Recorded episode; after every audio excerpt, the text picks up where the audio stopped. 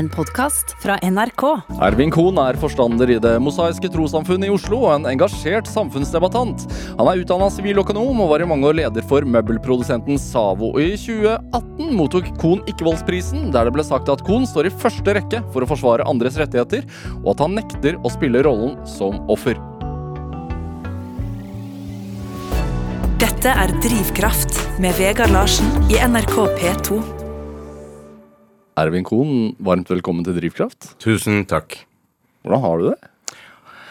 Og det har jeg øvd på, da. Jeg har hørt på de sendingene dine siden du startet opp, og eh, jeg har det bra.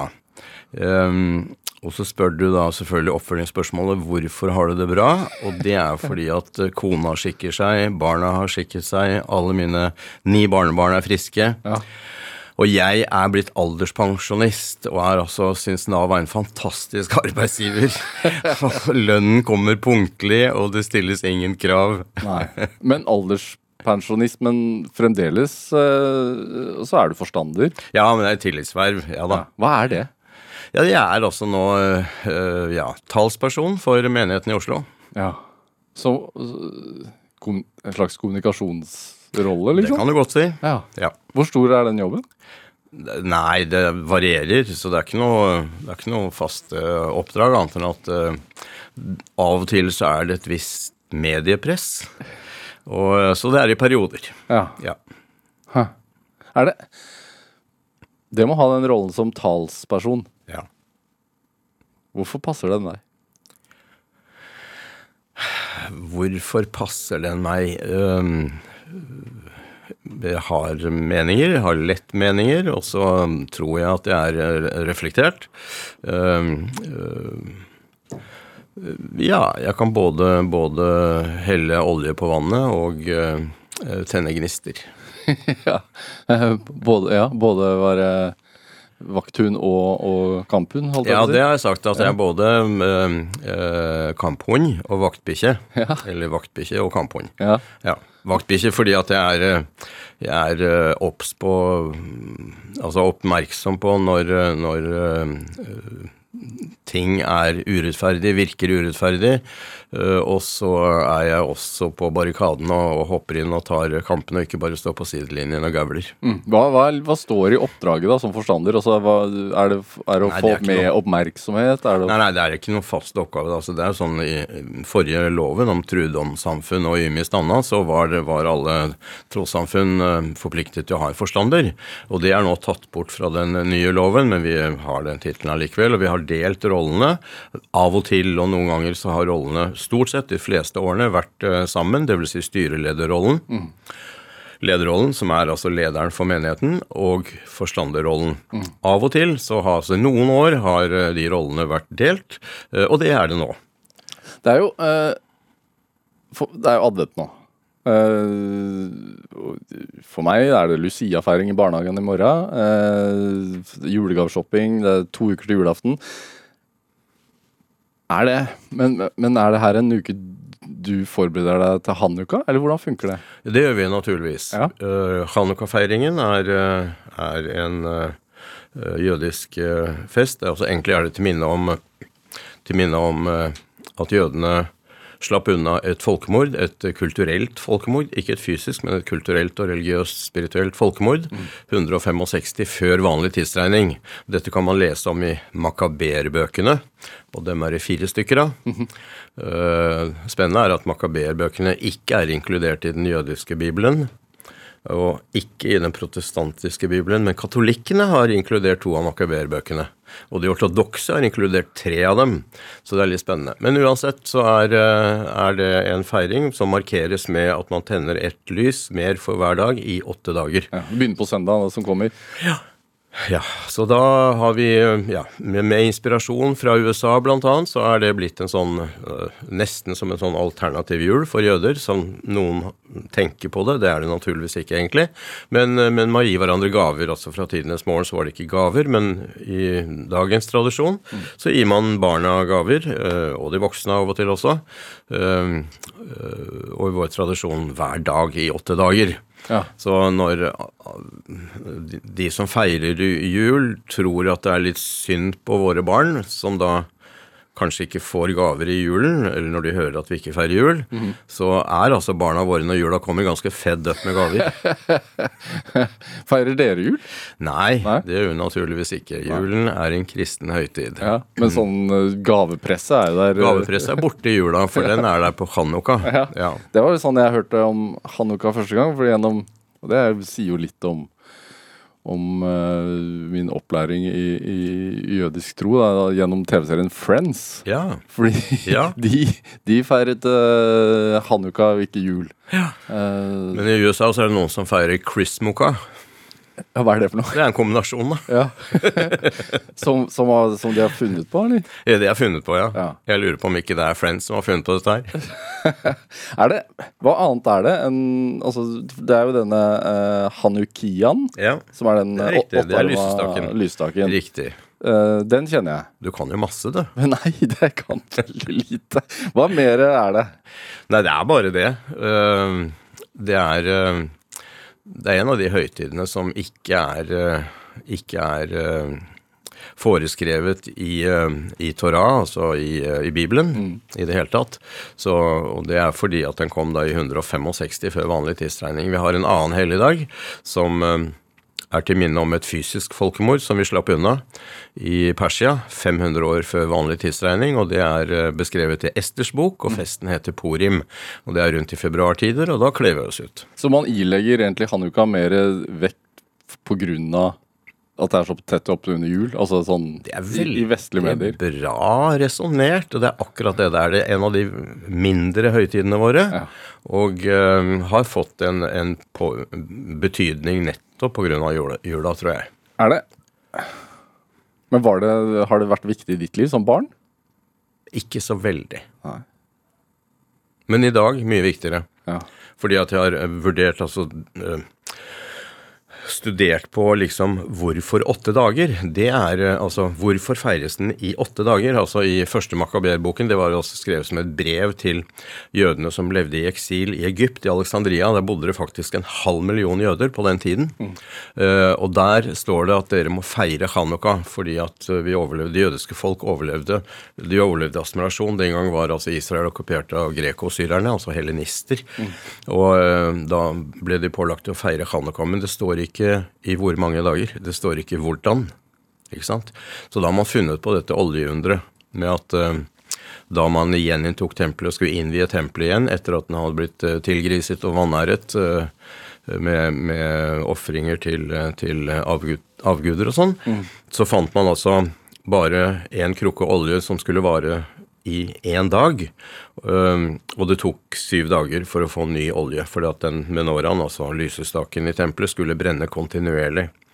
Og da øh, brant den ene krukken olje i åtte dager, sier myten, og derfor i åtte dager. Men hvorfor ikke sju? For underet var bare sju. Så øh, jeg har funnet en annen grunn til det, hvorfor åtte dager.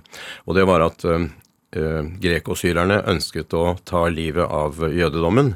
Og da var det tre ting som de forbød. De forbød å feire shabbat, de forbød å studere Torah, og de forbød brit Mila, dvs. Si omskjæringen av guttene våre, som ifølge Torah skal skje på den åttende dagen.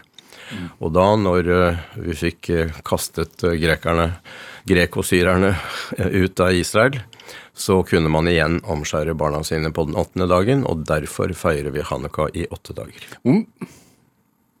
Hvor opptatt er du av det i dag? Altså sånn Dette er jo historie, for å si det forsiktig. Hvor opptatt er du av det? Av historie? Ja. Veldig. Altså, noen sier at vi er et resultat av vår historie, og så sier andre igjen at eh, dersom vi ikke kjenner vår historie, så er vi dømt til å gjenta den. Det var eh, professor Georg Santaniana som sa det. Og det er skummelt å måtte gjenta historien. Dette er Drivkraft med Vegard Larsen i NRK P2. Og i dag er forstander i Det mosaiske trossamfunnet i Oslo, Ervin Kohn, her hos meg i Drivkraft eh, på NRK P2. Hvor startet din historie?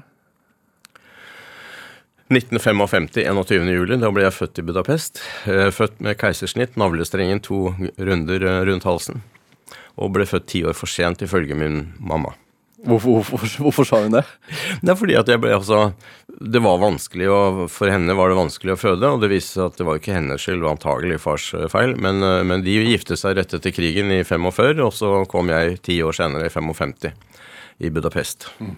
Hvor, hva har du med deg fra de fem årene du For det var fem år i Ungarn, var det ikke? Jeg var fem år i Ungarn, så jeg kom til Norge i 1960. Ja. Ja. Husker du noe av det? Lite grann. Eh, alltid skummelt. og, Altså, hva vet man uh, av egne, egne kommelser, og hva er det man har blitt fortalt? Uh, jeg trodde lenge at jeg husket fra jeg var ett år. ikke sant? Altså, Vi forsøkte å flykte fra Ungarn i 56. Uh, og min far var litt treig, så han var sist ute av de gjenlevende eh, fetterne mine. Og vi ble tatt ved grensen i 56, eh, grensen til Østerrike. Da stengte de grensen. Og så ble vi skyflet tilbake til Budapest. Hvorfor flykte du?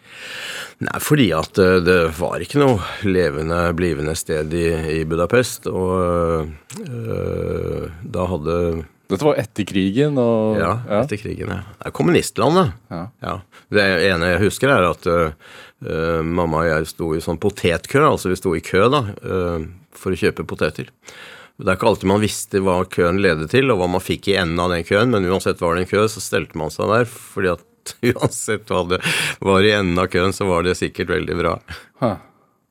Så det var rett og slett for å komme unna kommunisme og, og Litt. levestandard at Ja, altså Ungarn var, og til dels er, ganske antisemittisk. Eh, ikke noe blivende sted for jøder. Nei. Hvorfor Norge, da?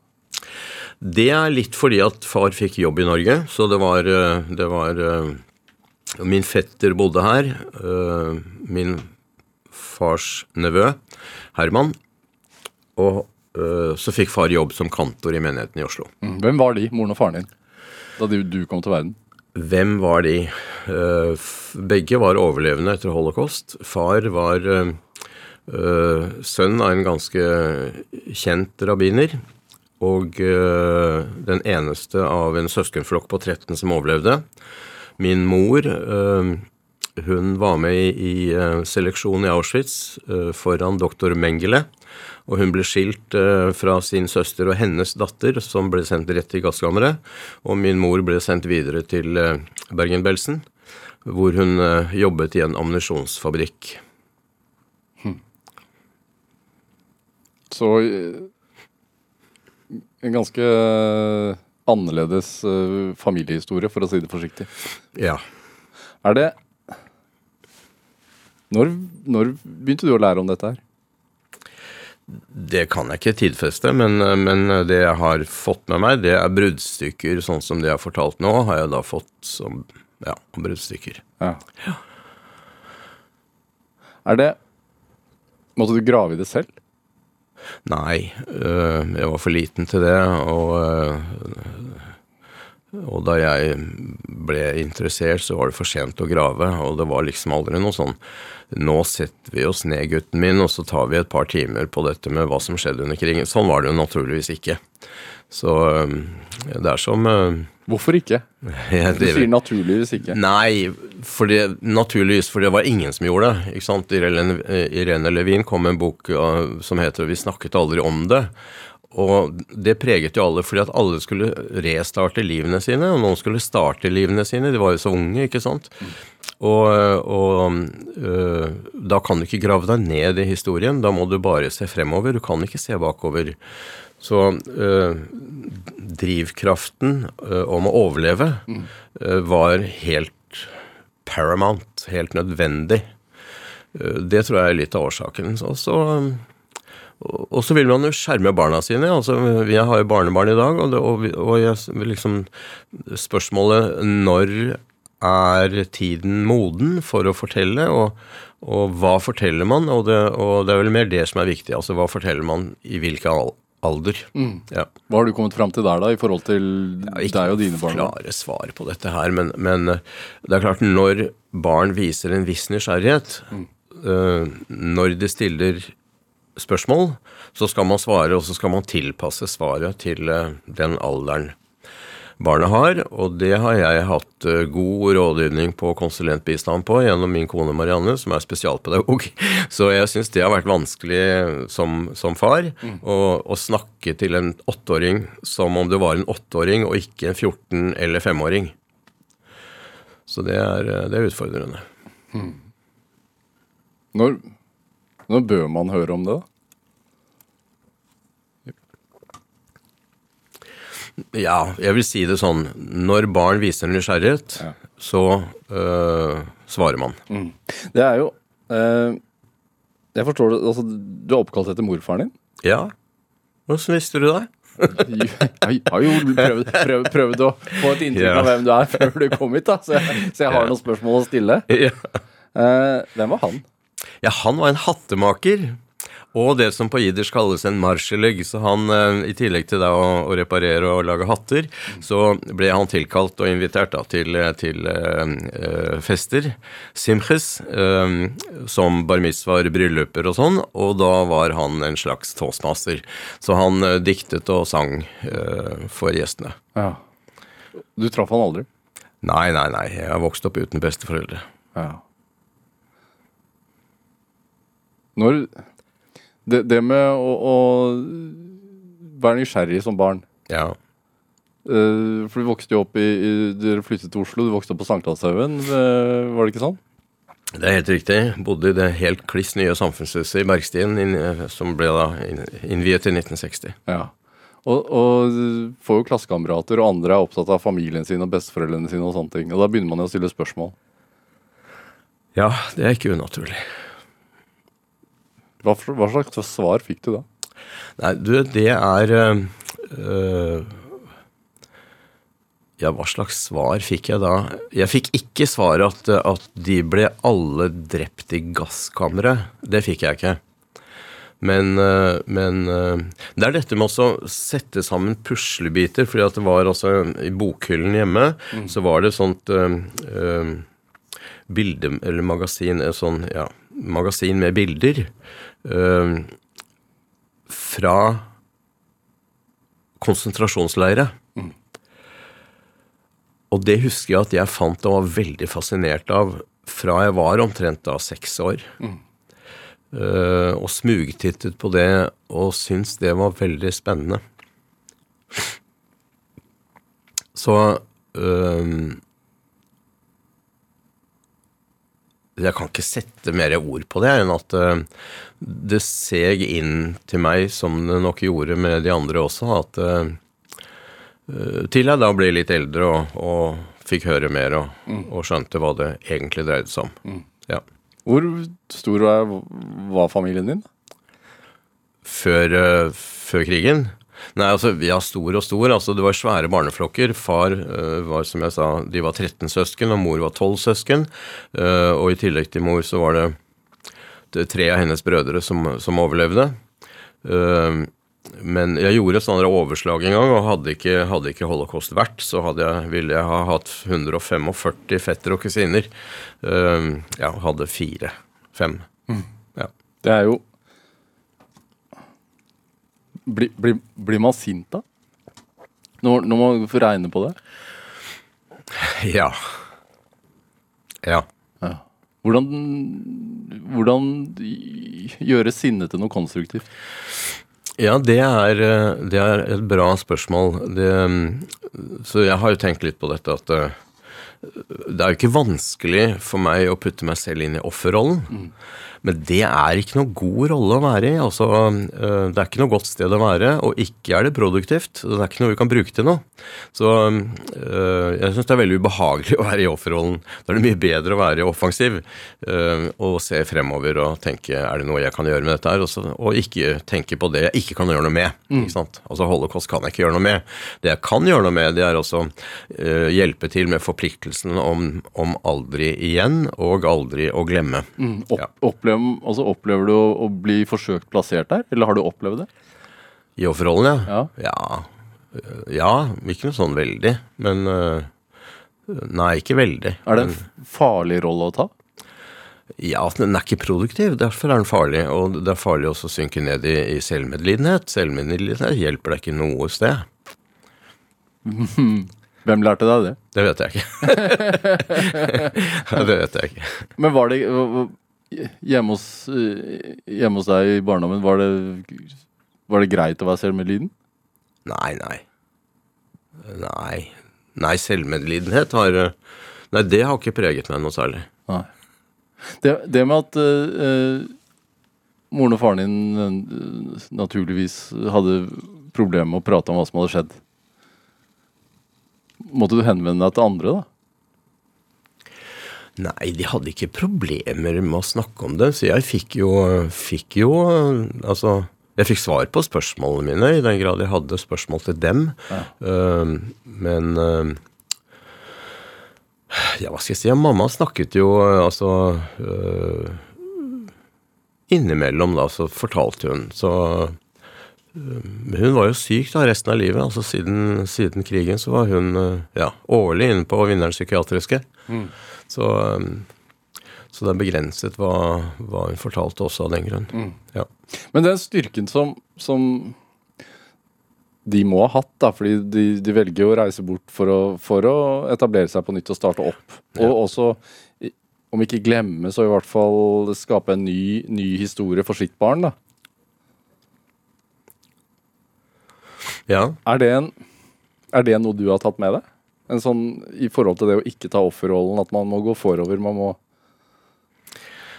Ja, hva, ja, hva som er eh, veldig, veldig tydelig utpreget uh, uttalt, uh, og hva som ikke er det, det vet jeg egentlig ikke. Men, men, uh, men jeg lurer på om det er instinkt. Ja, det er menneskelig instinkt. Ja. Men er det viktig å prate om det? Det som skjedde? ja, det tror jeg. Ja. Ja. I detalj? Ja, ja, det tror jeg. Altså, øh, det å ikke prate om øh, problemer er jo sånn som kan gjøre deg syk, altså sykeliggjøre. Så øh, jeg har lært mye av psykologer, altså. psykologer er gode på å fortelle om det. Det med eh, Når skjønte du at moren din var syk, da? Og da var jeg liten. Hun var jo sant, borte en måned, og da hadde vi husmorvikar, og hun var fantastisk til å lage boller. Hu- Husmorsvikar. Husmorvikaren, ja da. Ja. Det var den gang i tiden. Hvordan, var, hvordan fungerte det? Altså, Det fantastisk. Jeg lurer på om det var en offentlig tjeneste nærmest, jeg.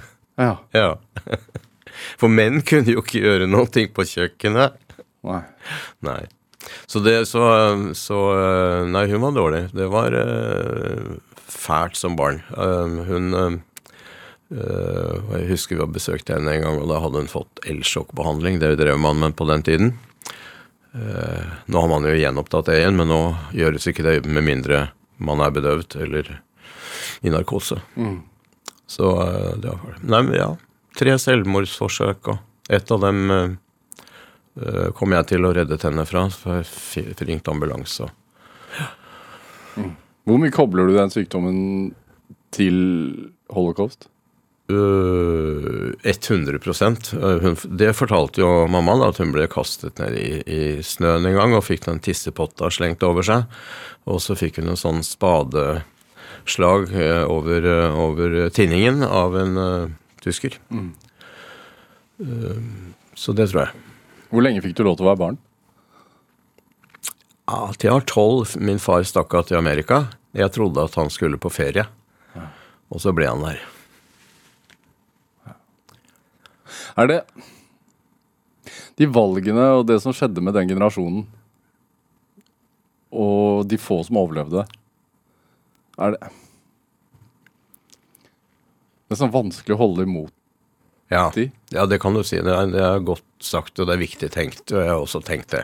Det er altså begrenset hvor mye du kan bebreide den generasjonen som har da opplevd holocaust. holocaust. Ja. Har det vært en trøst? Ja. En bortforklaring. Ja. Tok du Altså, faren din reiste til Amerika, og, og har, de- har dere hatt noe kontakt etter at han dro? Ja, ja. Så, og det var et bevisst valg for meg med tanke på at uh, uh, ja, altså, For det første så hadde jeg kontakt med ham hele veien. Uh, og den kontakten var ja, Altså, jeg var jo over i, i USA og besøkte ham hver sommer. Så jeg er litt oppvokst i USA også. Eh, men senere så passet jeg på å ha en relasjon eh, etter at eh, etter at jeg ble voksen, fordi at jeg ville ikke frata mine barn besteforeldre. Så alle mine tre barn har hatt et forhold til min far, og det er jeg glad for i dag. Hvorfor var det så viktig for deg at de skulle ha For jeg vokste opp vokst opp uten. Erling, om vi skal spille litt musikk eh, Og grunnen til at jeg spør om, om, om faren din og om dere har hatt noen kontakt etter at han dro, er jo fordi at du har med musikk eh, av din far. Eh, Papieren Kinder. Papirene Kinder. Ja. Um, Jenokon het Han het Jenokon, ja. faren din. Eh, hva slags musikk er dette her? Det er jiddisch-musikk. Det er um, en plate han Den eneste han spilte inn i 58 i Prag. Så jeg husker da han reiste av gårde til Praha. eh, og jeg husker da han hadde fått seg en ny sånn uh, gyllen eh, eh, skinn uh, attachéveske, og eh, han dro av gårde. Eh, og nå kan du faktisk finne den LP-en på, på både YouTube Music og Spotify. Eh, og det var litt eh, artig. Så han eh, synger, det er en trio, han er vokalist, han synger på jiddisch. Og eh, eh, det er jo da mitt morsmål, eller ett av mine to morsmål, da, det er jiddisch og ungarsk. Og her for to dager siden så fikk jeg bilde av ham fra Prag i 58, som han skrev bak på kortet. Så det er litt spennende. Så det at eh, da han reiste, reiste så korresponderte vi jo. Og eh, dersom jeg ikke skrev i hvert fall en halv side på jiddisch i mine brev, så fikk jeg kjeft for det. Så vær så god og spill.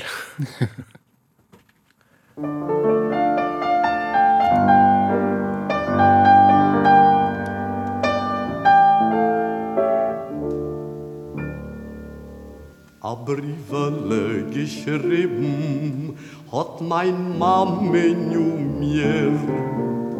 Jänkele Sindele hab Gott in deine Herz. Die bist der, Älster, find die kinderlich vier. Seh sich mit alle, in still mir mein Schmerz. A wecke schöne Juren, wir hat Bilder geschickt, in der bei mir geschrieben, als ich Gott hat teure geliebt. Dort ergeht sie weit, über Jammen in all Land. In dem Meer hab ich kinderlich von euch nicht gehört. Ich kick auf die Bilder, finde ich euch mir trägt.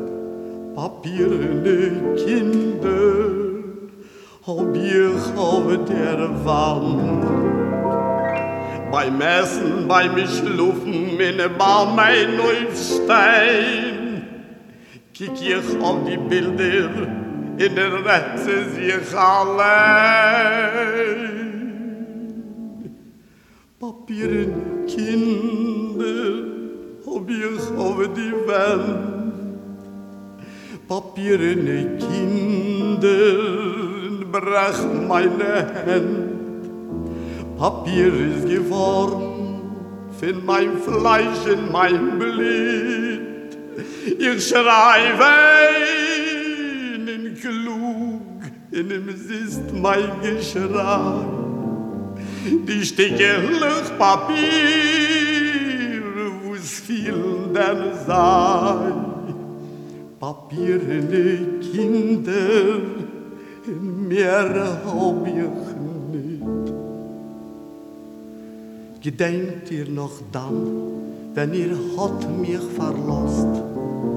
Eier Gittinker Tate ist gewesen schon tot. Viel mir, viel gesinnt, es hat mir dann gekost.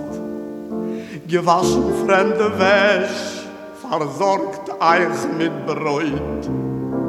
Jetzt ist eure Mama schon alt, schwach in Geruh. Der Kuchen von dann ist bei mir mehr nicht du.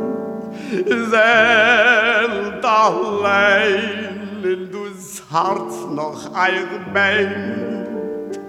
Vergessen die Mannen hat ihr Kinder gleich. Ich bete jetzt mal Gott, er soll Meuchelsam heiß. Eins aber Kinder, dus eins hat gedenkt.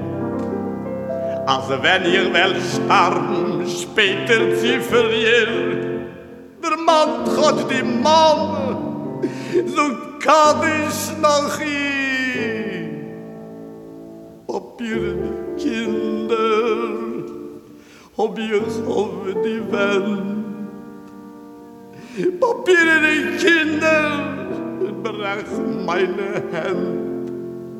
Ich kriege nicht kein Entfer, find mein Fleisch in mein Blut. Ich schreibe in klug, in dem siehst mein Geschrei. Die stichelig Papier, wo's vielen denn sagt. Papierne Kinder, in mir hab ich nicht. Mehr. Ja, du fikk uh, Janna Kohn som uh, synger 'Paperen Kinder' her i Drivkraft på NRK P2. En, en låt vi spiller i dag fordi at den er valgt av uh, Jenos sønn Ervin Kohn. Han er forstander i Den mosaiske trossamfunnet i Oslo. Det synges jo på jiddisch. Jiddisch, ja. Det er ikke så mange som prater det i Norge i dag. Nei, og, og jeg er nok den eneste som både snakker og skriver og leser jiddisch. Og det er fordi at det er mitt morsmål. Ja.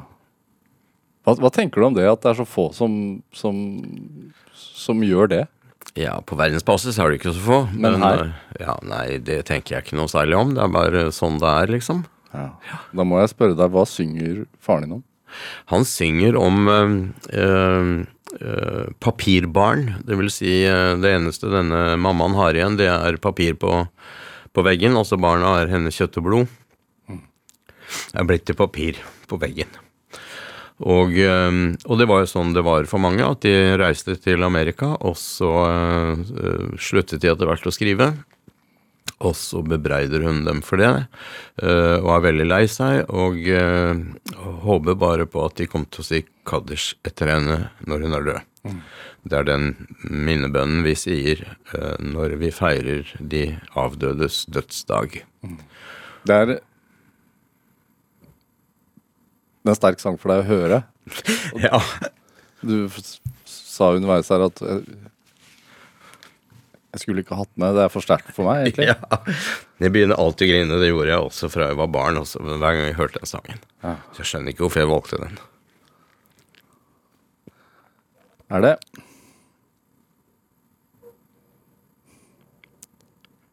Hva tenker du på da, når du hører den? Tenks, tenker du på de tolv første årene? Eller hva?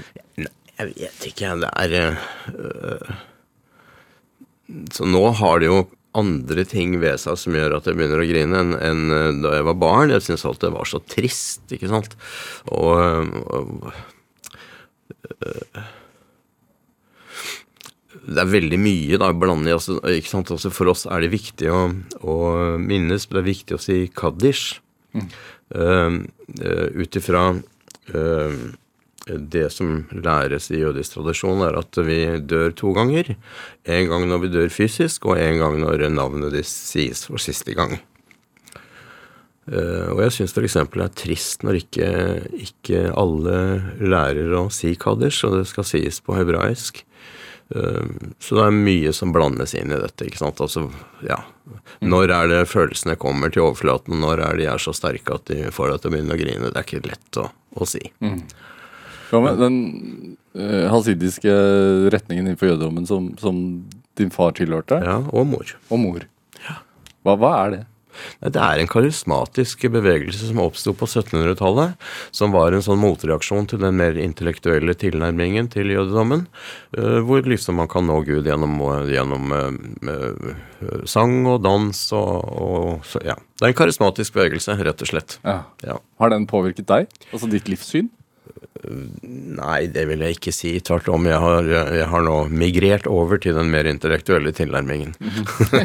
Hvorfor det? Fordi at eh, det er det vi tror. altså Vi har ikke så veldig mange forestillinger om hva som skjer etter at du er død. Um, og uh, det vi tror, er at vi på dommens dag så blir vi vurdert uh, subjektivt. Altså alle mennesker, både du og jeg, blir vurdert subjektivt ut ifra våre egne referanserammer. Og vi har du og jeg akkurat lik sjanse til å nå Guds herlighet. Og så er hva, hvem når nærmest Guds herlighet? Er det den som har gjort flest gode gjerninger? Nei, sier vår tradisjon. Det er den som har utfordret seg selv intellektuelt mest. Og balet med vanskelige spørsmål, også om vanskelige spørsmål om Gud og sånn. Så du og jeg har like stor sjanse til å komme nærmest Guds herlighet, men det forutsetter at vi utfordrer oss selv intellektuelt. Er det, var det en av grunnene til at du ville bli siviløkonom? Nei. Nei, det var nok, eh, var nok andre årsaker. Og ja, hva vet jeg at jeg hadde jeg hadde et forbilde, sånn farsfigur, og det var min fetter Herman Kahan. Og, og eh, jeg hadde lyst til å bli like eh, suksessrik som han. Ja, Hvem var han? Han var da min fetter som kom hit etter krigen fordi at hennes, eh, hans eh, søster eh, hadde fått jobb i Oslo da. Så mannen hennes hadde da kantorstillingen i Oslo på slutten av 40-tallet. Ja. Så Herman kom før de dro først til Paris, så skulle han på besøk til søsteren sin i Oslo, og så ble han værende her. Så ble han gift med sin, sin Ester og ble boende i Norge. Ja.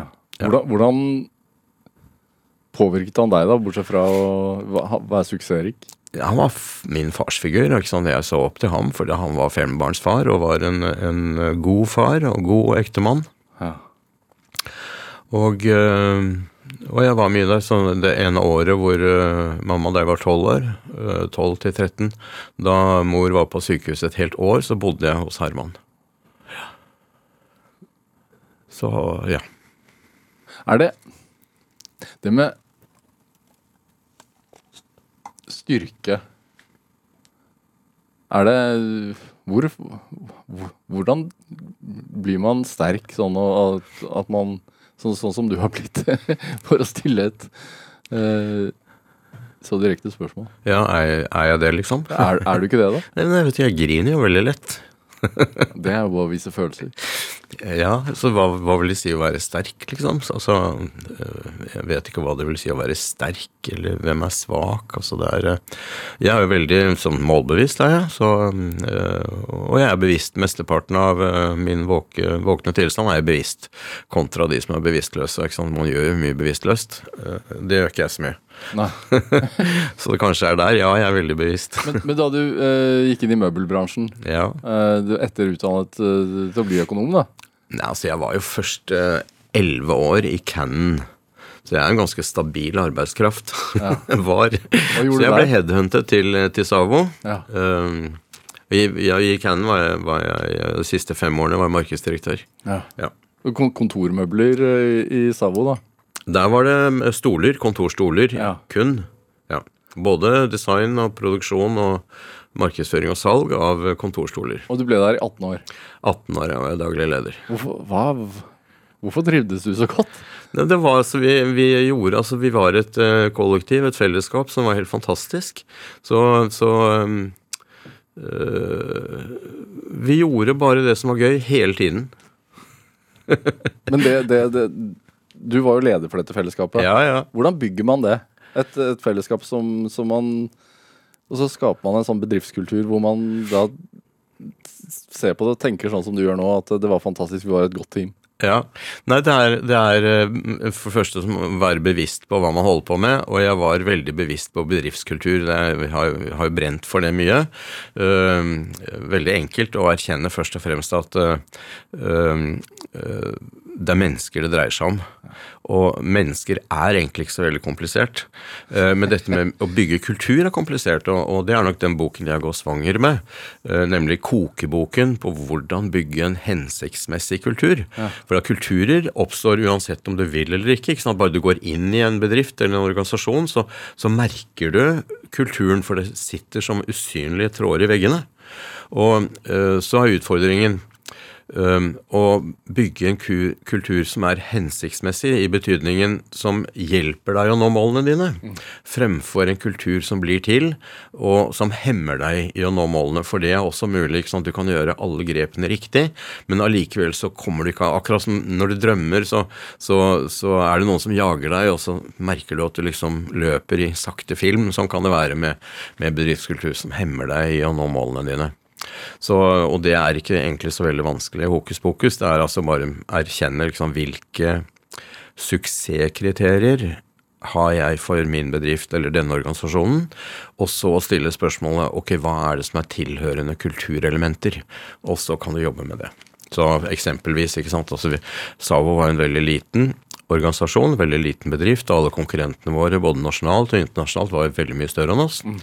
Så da spør vi liksom hva, hvordan kan en som er liten, slåss og slå en som er mye større enn seg? Og da er svaret på det fant jeg i formelen for kinetisk energi, altså bevegelsesenergi. Og øh, den formelen lyder E er lik M ganger V i annen. Ja, det er, hvis du, så dette la du fram på et møte. Ja, ikke bare ett, men dette snakket vi mye om. ikke sant? Og det er, det er, altså, Formelen sier at den energien som utvikles La oss si du kjører en bil, og så krasjer du inn i en vegg. Aha. Da utvikles det en viss mengde energi. Den energien da uttrykt i E i den formelen. Det er en funksjon av masse og hastighet. M og V, ikke sant? Mass and velocity. Det som er viktig med den formelen, det er at hastigheten er opphøyd i annen. Så den sier at hastigheten er mye viktigere enn masse. Så hvor fort den bilen kjører, er mye viktigere enn om den bilen veier 3,5 tonn eller 7. Ja. Og om, omgjort til, kan du si, bedriftsøkonomiterminologi, så er altså masse f.eks. hvor mange millioner kroner har du i marketingbudsjettet ditt. Og ved hastigheten, det er altså aktivitetsnivå. Så svaret på hvordan en liten kan slå en som er større enn seg, det er altså å løpe fortere. Ja, Vi tar den på farta. Men det er jo eh, en, en kjempefin teori å ha som leder. Ja, Men- men utfordringen er jo- men Det er suksesskriteriet. Ja, det så er er spørsmålet hva er tilhørende kulturelementer mm. som kan fremme eller hemme aktivitetsnivå? Mm. Jo, det er dersom du slår hardt ned på alle feil som begås. Ikke sant? Så Den eneste måten å unngå å gjøre feil på, det er å ikke gjøre en dritt. Så jeg måtte passe på å bygge en kultur som dyrket feil, eller som tillot å gjøre feil. For at hvis ikke det var altså kultur for å gjøre feil, så ville folk ikke løpe fort. Så vi dyrket feil hver fredag på Ja, ja, frykt, ja, frykt, rett og slett. Riktig. Ja. Ja. Så dyrk... For den eneste måten å unngå å få kjeft på, det er å ikke gjøre en dritt. Ja, men for eksempel, hva kunne det være? Altså, hva slags feil kunne bli begått som dere hyllet? Og det er f.eks. Hvordan, du, hvordan du behandler en klage på en telefon, ikke sant. Ja. Tar du ansvar, eller skylder du på nei, det var serviceavdelingen, jeg er helt inkompetent, ikke sant. Altså, ja, det er en måte å Da delte vi ut vinflasker til feil, som da folk da delte. Ja. Så vi gjorde om Men vil det feil som kunne man- koste mye penger, om til læring, og putte det på læringskontoen. Da ble det straks uh, mye bedre. Ja. Ja. Men vil ikke en hylling av feil føre til at ja, ja, jeg vil ha den vinflaska neste uke òg, så jeg skylder på serviceavdelingen? Ja, det kan man da ikke gjøre. For Men det, er, det er jo greit.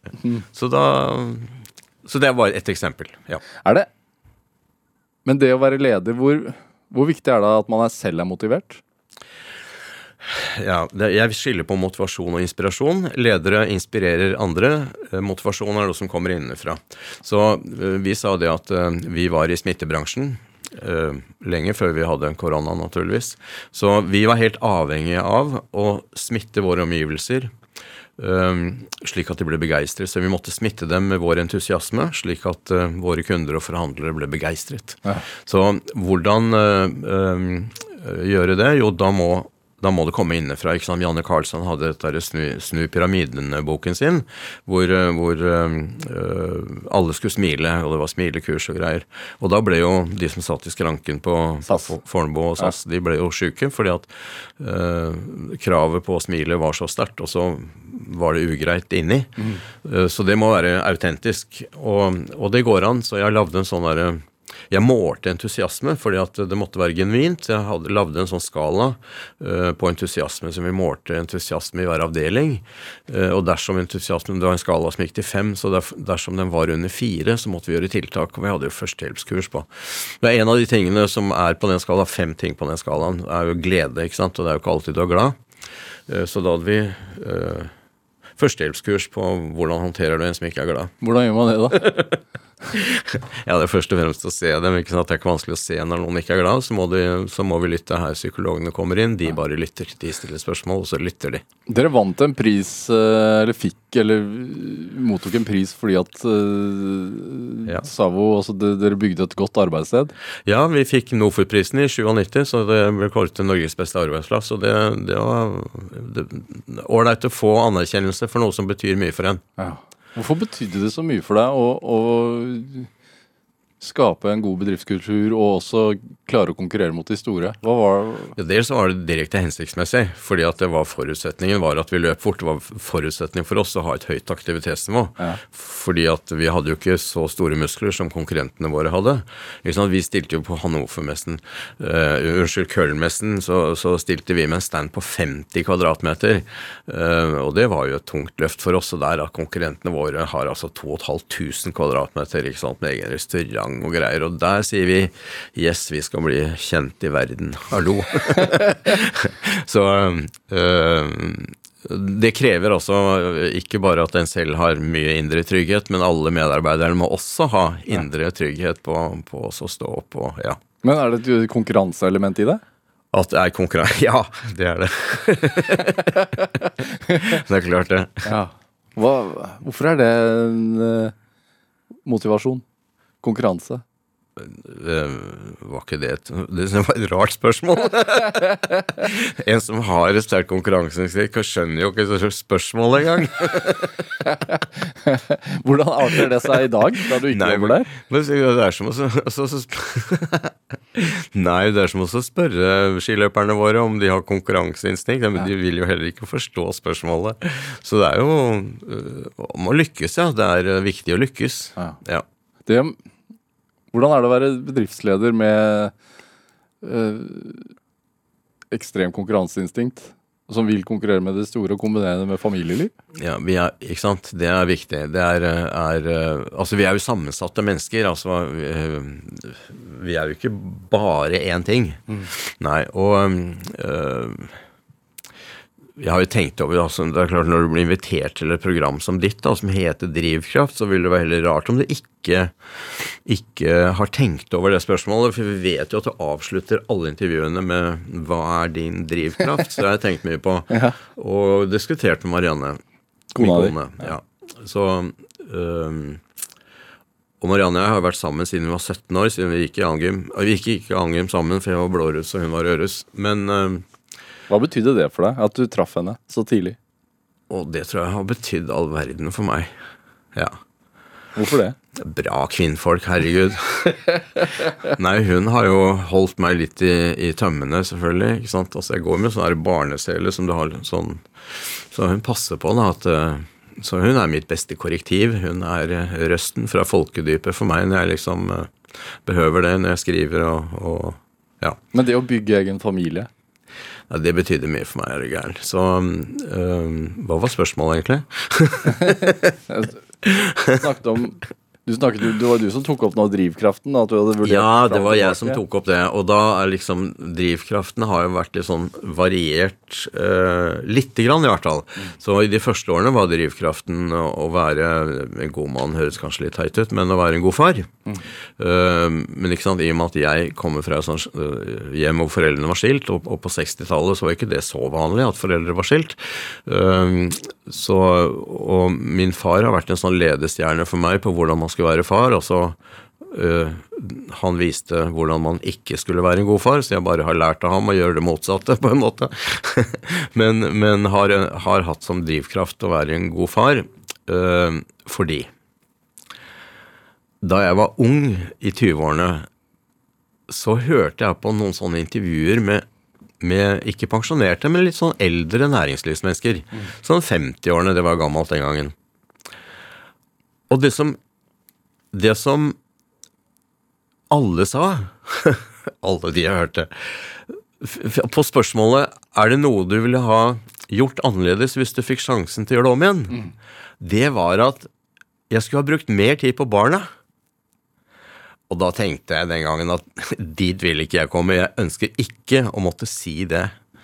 Så derfor har jeg brukt eh, tid på barna hele tiden. Jeg har ikke alltid hatt like mye tid, men, men eh, vi har liksom ikke hatt den følelsen at vi ikke har gjort det. Så det går an å kombinere. Er det et spørsmål du har reflektert mer rundt? Sånn hva, hva vil jeg svare på det, ikke på dødsleiet kanskje, men sånn eh, i, i, når jeg blir eldre? Hva ville jeg gjort annerledes? Innimellom, ja. Ja. Ja, ja. Og da har jeg tenkt over at eh, det som, det som er kjennetegnet, eller det som er fellestrekk, det er at det, det er jo ingen som angrer på ting de har gjort. Det de ofte angrer på, det er ting de ikke har gjort. Ja. Er det også en av grunnene til at du har altså etter hvert også 2010 eh, gikk inn i, i, i, som forstander, og også at du har vært nestleder i Antirasistisk Senter, og at Ja, det, altså det ikke en som forstander. Det var da Anne Sende sa at 'nå er det din tur', følte jeg veldig på. Men uh, Antirasistisk Senter var helt åpenbart et karriereskifte, og det var litt det, altså uh, uh, Ja, det var det. hva, Hvorfor klarte du ikke å la være Altså Hva var det inni deg som sa at 'dette må jeg gjøre'? Nei, Jeg har jo alltid vært samfunnsengasjert. Altså øh, Ja, det, det, ble jeg minnet på. Altså, jeg var på, på øh, den podden til, til øh, Anders Giæver, Giæver og gjengen, her på torsdag. torsdag. Og da hadde han gjort litt research og så funnet en artikkel som jeg skrev i 72, det er 50 år siden, og den var jammen meg nesten profetisk, hvor jeg skrev om, om norsk utenrikspolitikk, og det var også det året, året vi hadde eh, EF-avstemningen, og jeg skrev om, om sikkerhetspolitikk, og hvor viktig det var at vi uh, hadde et forhold til Europa, og ikke ble alle eggene i USA og Nato-kurven, og viste til trusselen fra Sovjetunionen, så var, det var en ganske profetisk artikkel. Så jeg har altså fra tidenes morgen vært engasjert, og den gang var jeg altså i, eh, i Unge Høyre, Mm. og er i dag også card carrying member i Høyre. Eh, Så dette med å, å bidra og si ifra, det har nok ligget i meg. Men så har vi jo et begrep da, i jødisk tradisjon som heter tikkun olam. Det er å reparere verden. Så vi har alle et ansvar, ikke bare jøder, men alle har et ansvar for å eh, passe på at vi bygger samfunn som er sosialt rettferdige.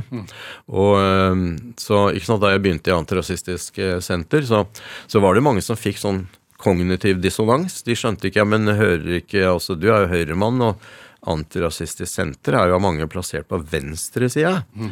Og da øh, syns jeg det var veldig provoserende, fordi at øh, hvorfor skal noen øh, monopolisere antirasistisk arbeid?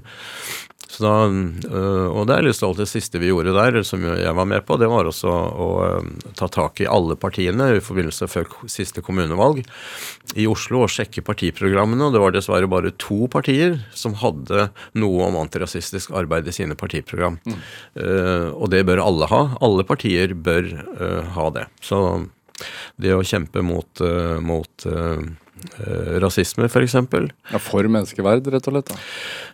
Det, det er både, nei, det er ikke bare for, for det har flere partier. Likestilling og menneskeverd snakker de om. Men det er ikke det samme som å være imot rasisme.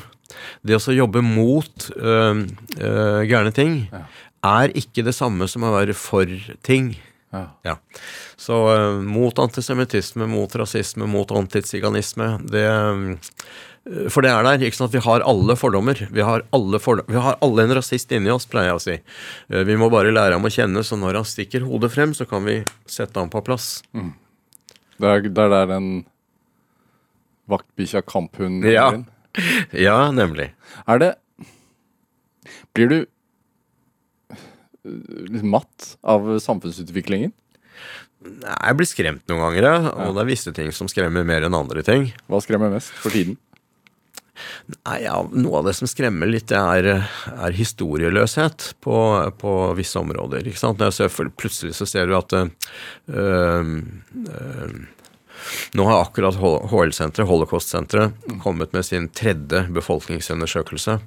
Og der er det noe som skremmer. Altså tankeløshet skremmer, historieløshet skremmer. Altså det å si ting som eh, Altså et av de tallene, et av de funnene fra den, eh, den undersøkelsen er altså spørsmålet vil du akseptere, i hvilken grad vil du akseptere trakassering og vold mot jøder. Og når det tallet er så høyt som 10% i befolkningen, så omgjort i antall mennesker, så er det et enormt menneske, eh, antall mennesker. Og det er litt skremmende. Og helt uavhengig av årsak, altså i et demokrati som vårt, hvor politiet har voldsmonopol, så er svaret entydig nei på et spørsmål. Vil du akseptere mm. trakassering og vold av noen som helst, så er svaret nei. nei. Og der er svaret ja på så mange mm. at det er eh, overraskende og litt skremmende. Mm. Ja. Hvordan motarbeide det? Det er øh, øh, å snakke om det å ta, bringe, det, bringe tallet frem og snakke om det, øh, er en måte å motarbeide det på. Ja. Ervin Kohn, som vi snakket om før vi gikk i gang med denne praten her, så sa vi at være, en time er for kort. Og det er jo det. Det er helt utrolig. eh, vi har vært innom det, drivkraften. Hva er det i dag? I dag er det, det, som ligger i begrepet til kone og lam, det er også å passe på samfunnet. Ja. Fordi at eh, det vi merker nå, det er at eh, du ser at demokratiene svinner. Det er færre demokratier i dag enn det var for ti år siden. Og eh, noen demokratier, som f.eks. det ungarske, de kaller seg nå bare et illiberalt demokrati. Har du hørt det teite ordet noen gang, eller? Og, og, det må vi passe på. Så vi må passe på demokratiene, for det er ikke noe som er bestandig, med mindre du gjør en innsats. Helt, enig. Ervin Kohn, tusen, tusen takk for at du kom hit til Drivkraft. Selv takk. Hør eh, flere samtaler i Drivkraft på nrk.no, eller i appen NRK Radio. Send oss gjerne ris eller ros, og tips til mennesker som du mener har drivkraft. Send en e-posten til drivkraft.krøllalfa.nrk.no. Vi hører veldig gjerne fra deg. Produsent i dag var Kjartan Aarsand, mens eh, Solveig Sørbø bidro med research. Dette var Drivkraft. Jeg heter eh, Vega Larsen. Vi høres. Du har hørt en podkast fra NRK. Hør flere podkaster og din NRK-kanal i appen NRK Radio. En podkast fra NRK. Hallo, hallo! Det er Ronny og Liv her fra vårt bitte lille julekott, hvor vi prøver å finne julestemninga. Senke tempoet, nyte tiden før jul. Bitte små blaff av takknemlighet. Er du nå midt i en stressende førjulshandel? Ser huset ut som et fullstendig kaos? Nelvik og jeg, vi er her for å hjelpe deg! Den magiske julestemningen. Vi skal klare det. Jeg elsker jul. Julestemning med Live og Ronny hører du i appen NRK Radio.